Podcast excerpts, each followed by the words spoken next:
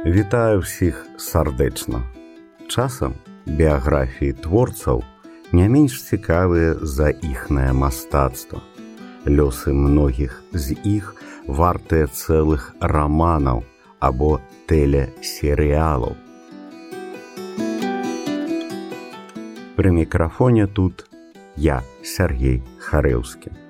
І гэтым разам я вам распавяду менавіта пра такіх мастачак і мастакоў, якія пражылі невераемнае, надзвычай цікавае жыццё, каб яны для нас сталі рэальнымі людзьмі, у біяграфіях якіх адлюстраваліся цэлыя эпохі. А іх творчы даробак сёння належыць ужо многім народам. Генрых Дмахоўскі. Будучы скульптар Генрык Дмахоўскі нарадзіўся ў 1810 годзе у маёнтку забалаце, што сёння ў мёрзкім раёне на віцебшчыне. Генрык вучыўся ў віленскім універсітэце і займаўся ў скульптара Казімера Ельска.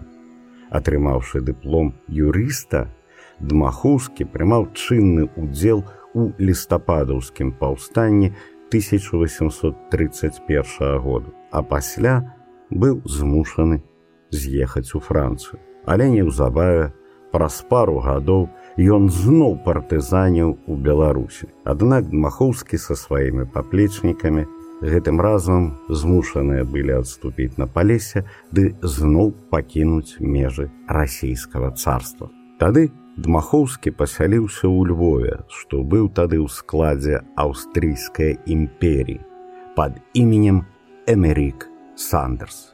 Але аўстрыйцы яго арыштавалі і пасадзілі ў турму ў Альпах. Пасля сямі гадоў турмы ён зноў накіраваўся ў Парыж, дзе вучыўся ў школе мастацтваў у знакамітых французскіх скульптараў Франсуа Руда і Давіда Ангера. А ўрэшце Генрык Дмахоўскі выехаў у Амерыку, дзе стаў славутым скульптарам пад іменем Генры Сандерс. Ён стварыў там скульптурную школу, зрабіў багата скульптураў і бюстаў знакамітых герояў, ладзіў выставы ў Філадельфіі і Вашынгтоне. Генрык Дмахоўскі для кангрэса ЗША зрабіў медальёны і бюсты Джорджа Вашынгтона, Томаса Джефферсона і Бенджамена Франкліна, а таксама тадэвуша касцюшкі, казімера Пуласка, што і да сёння ўсе стаяць у амерыканскім капітолі. Там сама за акіянам ён і ажаніўся. Але неўзабаве перажыўшы смерць першае дзіцяці, памірае і жонка падчас другіх родаў. На іх магіле скульптар паставіў помнік у выглядзе жанчыны з двума дзецьмі на руках. Ён і да сёння ўважаецца за адзін з шэдэўраў амерыканскай школы скульптуры. Тым часам Дмахоўскі атрымаў дазвол расійскіх уладаў вярнуцца ў Беларусь. У вільні ён адкрывае ўласную майстэрню, але падчас чарговага паўстання 1863 года, знанага ў нас як паўстання кастуся Каліноўска, скульптар зноў становіцца паўстанцкім правадыром. 26 мая 1863 году каля вёскі парэча на барысаўшчыне на паўстанцаў напалі царскія карнікі. Скульптар паўстанец загінуў сцяты расейскімі кулямі. Было тады выдатнаму скульптару і адважнаму змагару всяго 53 гады, як мне сёння. Дакладнае месца пахавання дмахоўскага, славутага за акіянам скульптара Генры Сандерса удалося адшукаць толькі ў нашыя гады на старажытным кургане каля вёскі берулі докшыцка раёну. Ягоныя ж скульптуры і да сёння зберагаюцца ў вільні і Вашынгтоне, Філадельфіі ды ў іншых гарадах свету.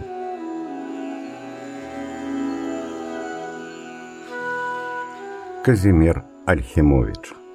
Славуты колісь наш жывапісец Казімер Альхімович нарадзіўся ў мястэчку Дубрава, што на шчучыншчыне у 1840 годзе.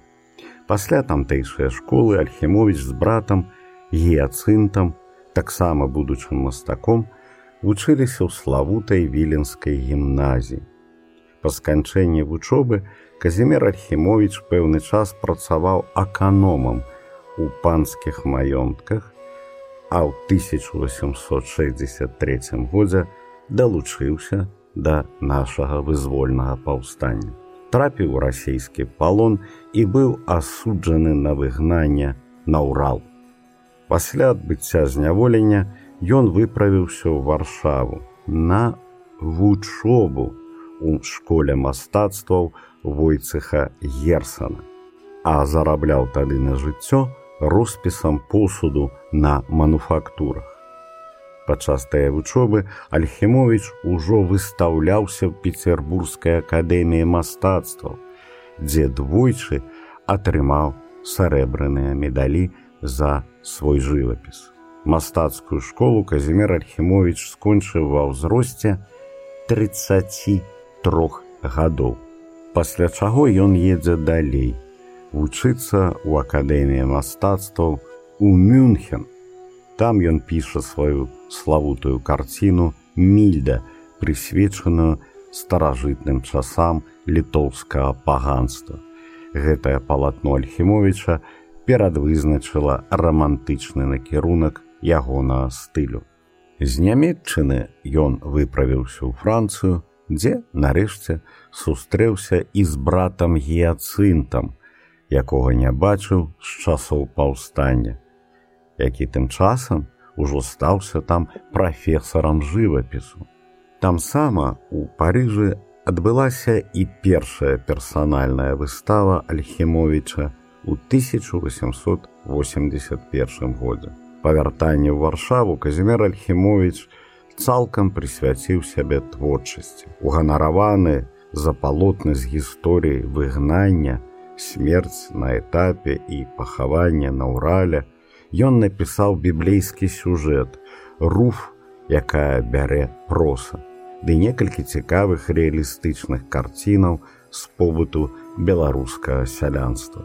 Нарэшце альхімович паказаў публіцы сваю романтычную элегію пахаванне гедыміна што аб'ехала пасля вакол свету гэты шэдэўр выстаўлялі ад петербурга і парыжа да Львова, Сан-Францісска і крака. Двойчы за гэты твор майстар быў узнагароджаны. Потым была нізка гістарычных кампазіцыяў на матывы старажытнай літвы, сон кейстута, вітаут на магіле кейстута, ліздзейка з дачкой на крушнях храма перуна, ды многія іншыя. А паказанае ў Петербурзе палатно смерць Михала Глінска ў цямніцы, тагачасная крытыка назвала адным з найлепшых у творчасці Альхімовіча.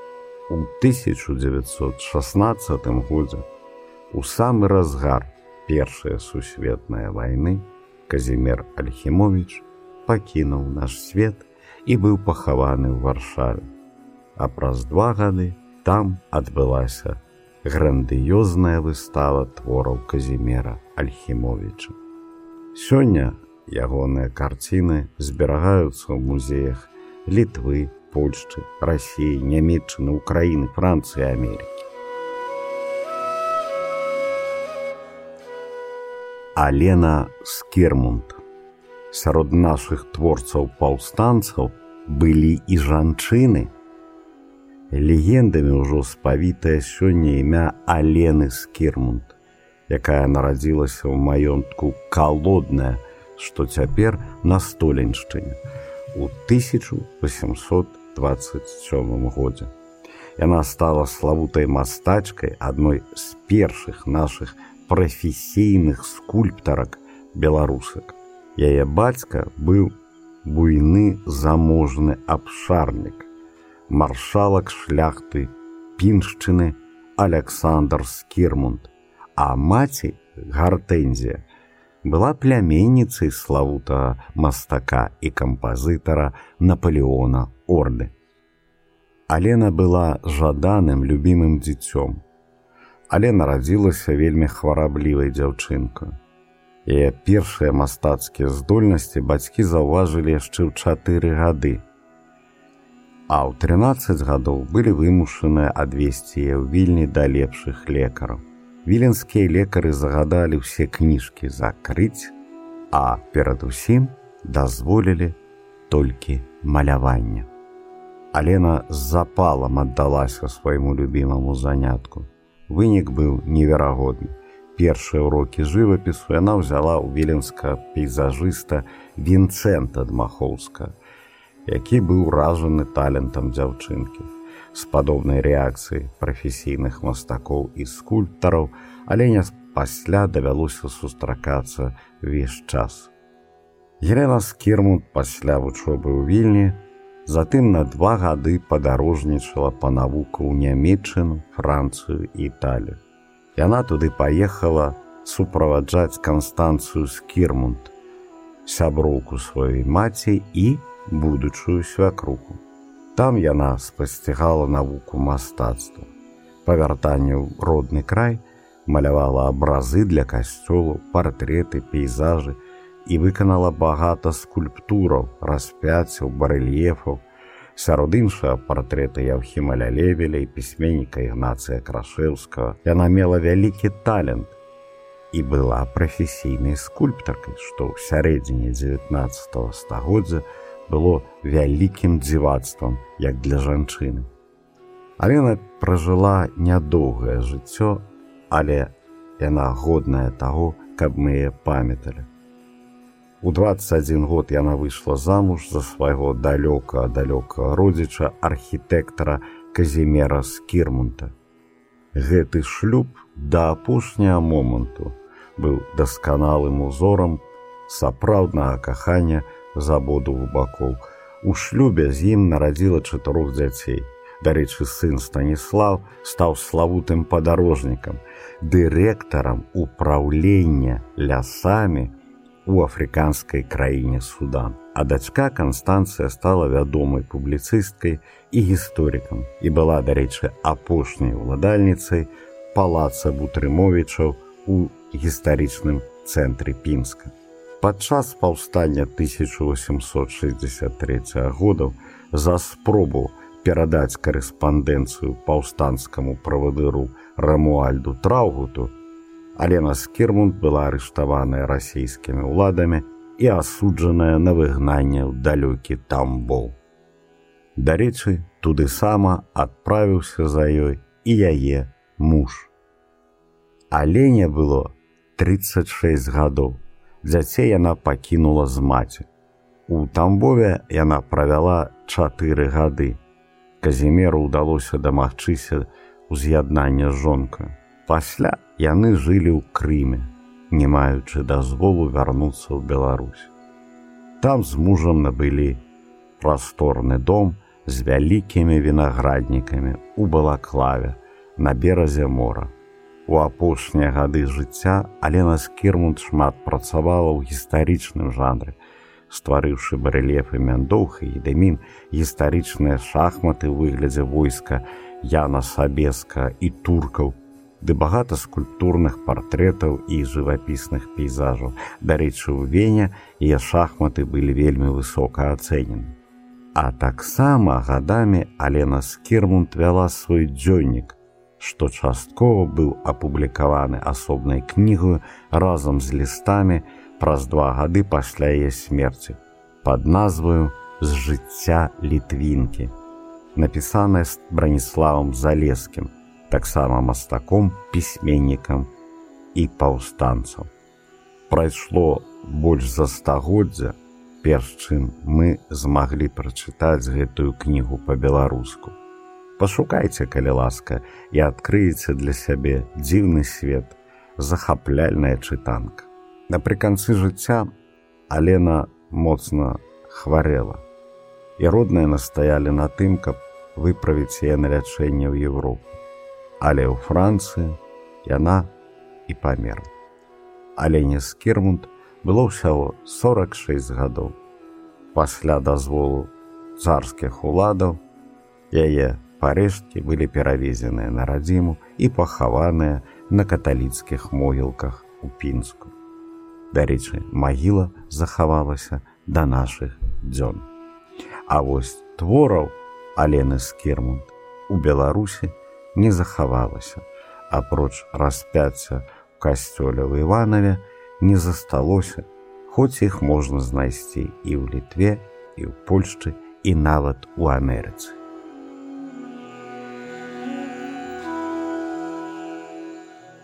Дмітрый Сцялецкі Яшчэ адным творцам выгнаннікам стаў наш зямляк славуты мастак Дмітрый Сцялецкі.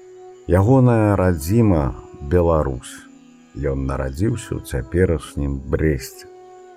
Тут у сям'і двараніна, даўняга украінска казацкага роду, ваеннага інжынера палкоўніка Сямёна Сцялецка у 1800 75 годзе і нарадзіўся будучы мастак. Тут сам яго хрысцілі ў гарнізонным саборы і тут ён і быў скончыўшы брэскую мужчынскую гімназію. Дзяцінства і юнацтва Дмітрия прайшлі ў сядзібе бацькі на ўскрайку белавеская пушча. Іх маёнтак быў у вёсцы шастакова, што цяпер у камянецкім раёне. Маці Кацярына Георгіевна памерла заўчасна у 1877 годзе. І яе магіла з помнікам цудам ацалелі на славутых трышынскіх могілках у Бресце. Такім чынам, першыя 20 гадоў жыцця Дмітрый Сцялецкі не пакідаў Беларусі. А затым бацьку перавялі ў Санкт-Петербург дзе яны пасяліліся з сям'ёю. Дмітрію на той час было ўжо 21 год. У тым самым годзе юнак паступіў у акадэмію мастацтва. Спачатку яго залічылі на архітэктурнае аддзяленне, але ён хутка захапіўся скульптураю.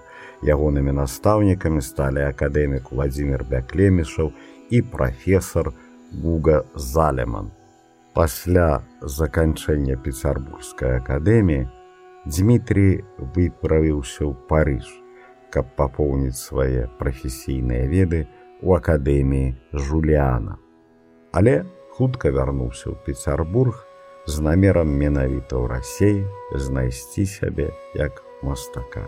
У вялікае мастацтва гэты творца ўварваўся найперш як скульптар, які прадставіў на пачатку 20 стагоддзя серыю імпрэсіяністычных партрэтаў дзеячоў мастацтва і культуры. Паралельна сцялецкі выправоўваў самабытную пластычную манеру у стылі народнага дэкаратыўнага мастацтва, што пераўтварала акадэмічную форму у яркія абагульнена сімвалічныя кампазіцыі блізкія да мадэрна імкнучыся адрадзіць скульптурную паліхромію сярэднявечча, ён фарбаваў з гранічанай наточанасцю майстэрства свае творы з гіпса або дрэва.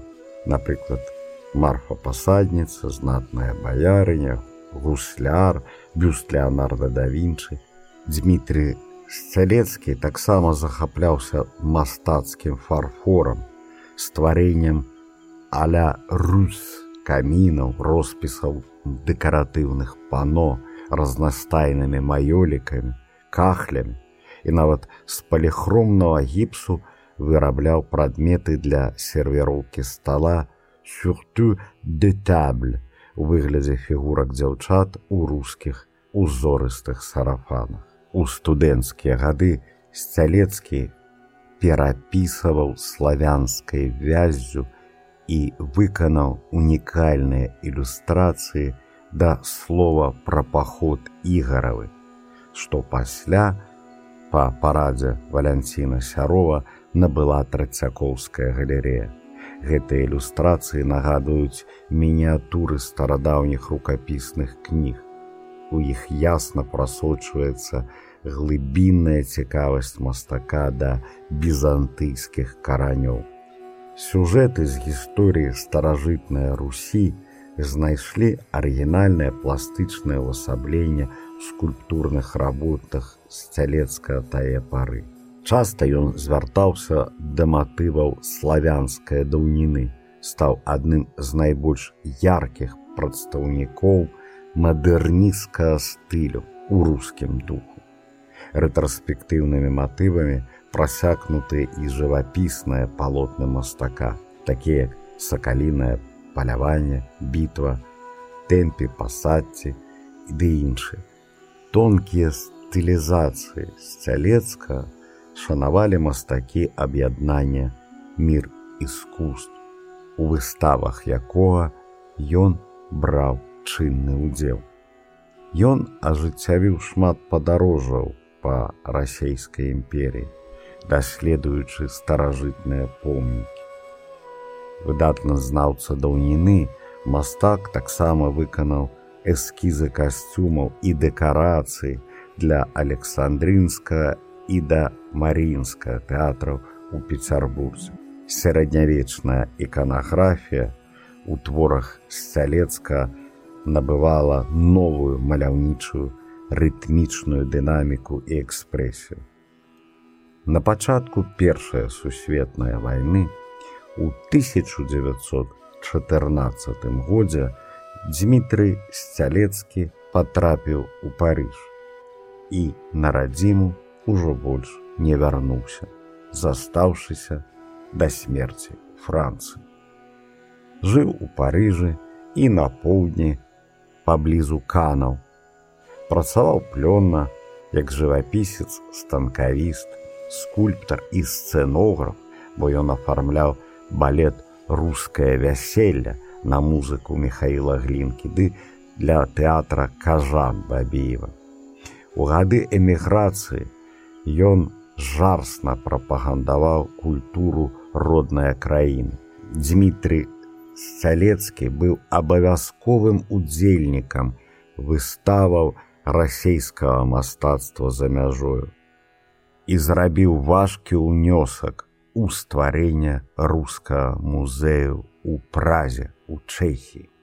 У старасці, аднак, ён амаль аслеп і правіў пазнейшыя свае гады у гэтак званым рускім доме, доме для састарэлых, што прызначаўся быў для эмігрантаў гэтак званая першая хваля з расійскага царства. У сент Жэневеў дэбуа, дзе і памёр на пачатку чарговай другой сусветнай вайны. Але дзякуючы белгазпрамбанку некаторыя творы Дмітрия сцялецка патрапілі ў Беларусь. Перадусім гэта ноч святого Яна, што стала першым творам майстра вернутым на радзіму. А затым яшчэ дзве рэчы: это дыптых баяры і карціна казка. Такім чынам, і беларусы сёння могуць лепей пазнаёміцца з гэтым мастацтвам і яшчэ раз дазнацца пра свайго славутага земляка.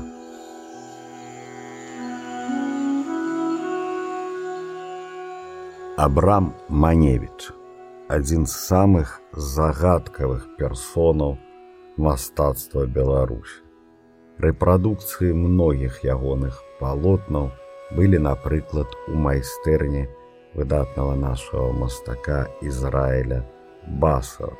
Гэта можна зразумець, бо яны былі землякамі, абудва родам з мсціслава. То бок і краявіды і сам дух былі знаёмыя многім з дзяцінства. Але ў савецкі час пра абрама маневіча згадваць было не прынята зусім невядомы у беларусі. Ён надзвычай папулярны быў у канадзе ЗША а цяпер і ва ўкраіне дзе ў ягоны гонар прысвяцілі нават выпуск серыі паштовых марак цяпер творчы даробак маневіча належыць некалькім культурам абапал акеану а нарадзіўся абрам маневіч у 1881 годзе у мсціславе дзе 20 сваіх першых гадоў бязвыездна жыў вучыўся і працаваў пасля наважыўся вучыцца ў кіеве дзе тады ж вучыліся нашыя казімер малевич владимир кудревич і вітальд бялыніцкі беруля але спачатку быў змушаны працаваць на фабрыцы ложкаў распісваць спінкі гатовых вырабаў кветкамі і краявідамі. Нарэшце у 1901 годзе ён паступае ва толькі ўтвораную кіеўскую малявальную вучэльню, што ўтварылася з ініцыятывы слынных тагачасных кіеўскіх творцаў, мастакоў і дойлідаў. Учоба гэтая ва ўнікальнай атмасферы дала каласальны імпульс для малевіча на ўсё жыццё. Тады Маневіч паехаў далей у акадэмію мастацтваў у Мюнхене, якую і скончыў 1907 годзе. То бок, у адрозненне ад бальшыні нашых месцячковых творцаў атрымаў грунтоўную адукацыю.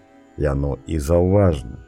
Першыя свае працы ён пісаў у духу мюнхенская венская сецесія. Аб'ездзіў паў Еўропы і ў 1913 годзе Абрам Маневіч зрабіў сваю персанальную выставу у галерэі Дзюрана Руэля у Парыжы. Меў вялікі поспех праславіўся сярод тагачаснай эміграцыі. Затым захапіўся кубізмам і ўрэшце вытварыў уласны стыль. Бурлюк называў яго магам і чарадзеем фарбаў, дырыжорам аркестру, у якім фарбы іграюць ва ўнісон без адзіныя фальшывыя ноты гучання. Шмат пазней, славуты украінскі паэт Васіль Стус пад уражаннем ад жывапісу Маневіча таксама прысвяціў яму свой верш. Штогод ён прыязджаў у родным сціслаў. Пісаў тут багатае цюдаў, рабіў шкіцы, а пасля так званая рэвалюцыі адчоліў кіеўскае мастацкае вучылішча. Але у 1919 годзе там забілі ягона сына. І праз два гады Маневіч з'язджае праз Менск у Лондон, а пасля за акіян. Як для шагала Віцебск, гэтак і для Маневіча крыніцаю натхнення над чужыне быў родны край Мсціслаўшчыны. Америка дала новы імпульс творчасці мастака. Змянялася пластыка ягоная жывапісная мова. Маневіч пераацэніў сваю мастацкую дзейнасць, але нязменнай заставалася тэматыка ягоных пейзажаў. Пясняр правінцыі. Ён малюе аднапавярховую павятовую Амерыку і Канаду. Менавіта там, у нью-йорку, ён дакончыў свой праграмны твор гета. Прынцыпова важны для яго задуманы яшчэ ў Беларусь. Для мастака гэта было і развітанне са сваёй радзімай. А праз год гэтае палатно гета было гатовае і амаль адразу набытае бруклінскім музеем.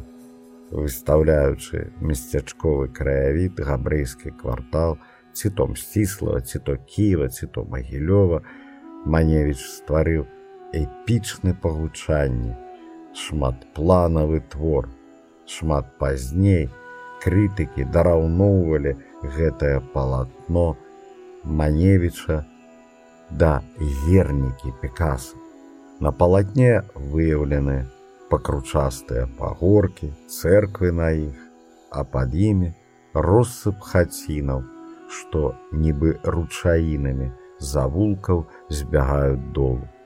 Такі вельмі знаёмы сціслаўскі краявід. За акіянам Маневіч патрапіў стаць даволі знакамітым мастаком. Штогод у вялікіх гарадах праходзілі выставы ягоных твораў, а палотны набывалі музеі і прыватныя калекцыянеры. Альберт Эйнштейн, які у запісцы ўжо смяротна хвораму мастаку пісаў: Мы абодва служым зоркам. Вы як мастак, а я як навуковец. У 1942 годзе Маневіч памёр. Зрэшты, не стала тады і ягонага сціслава.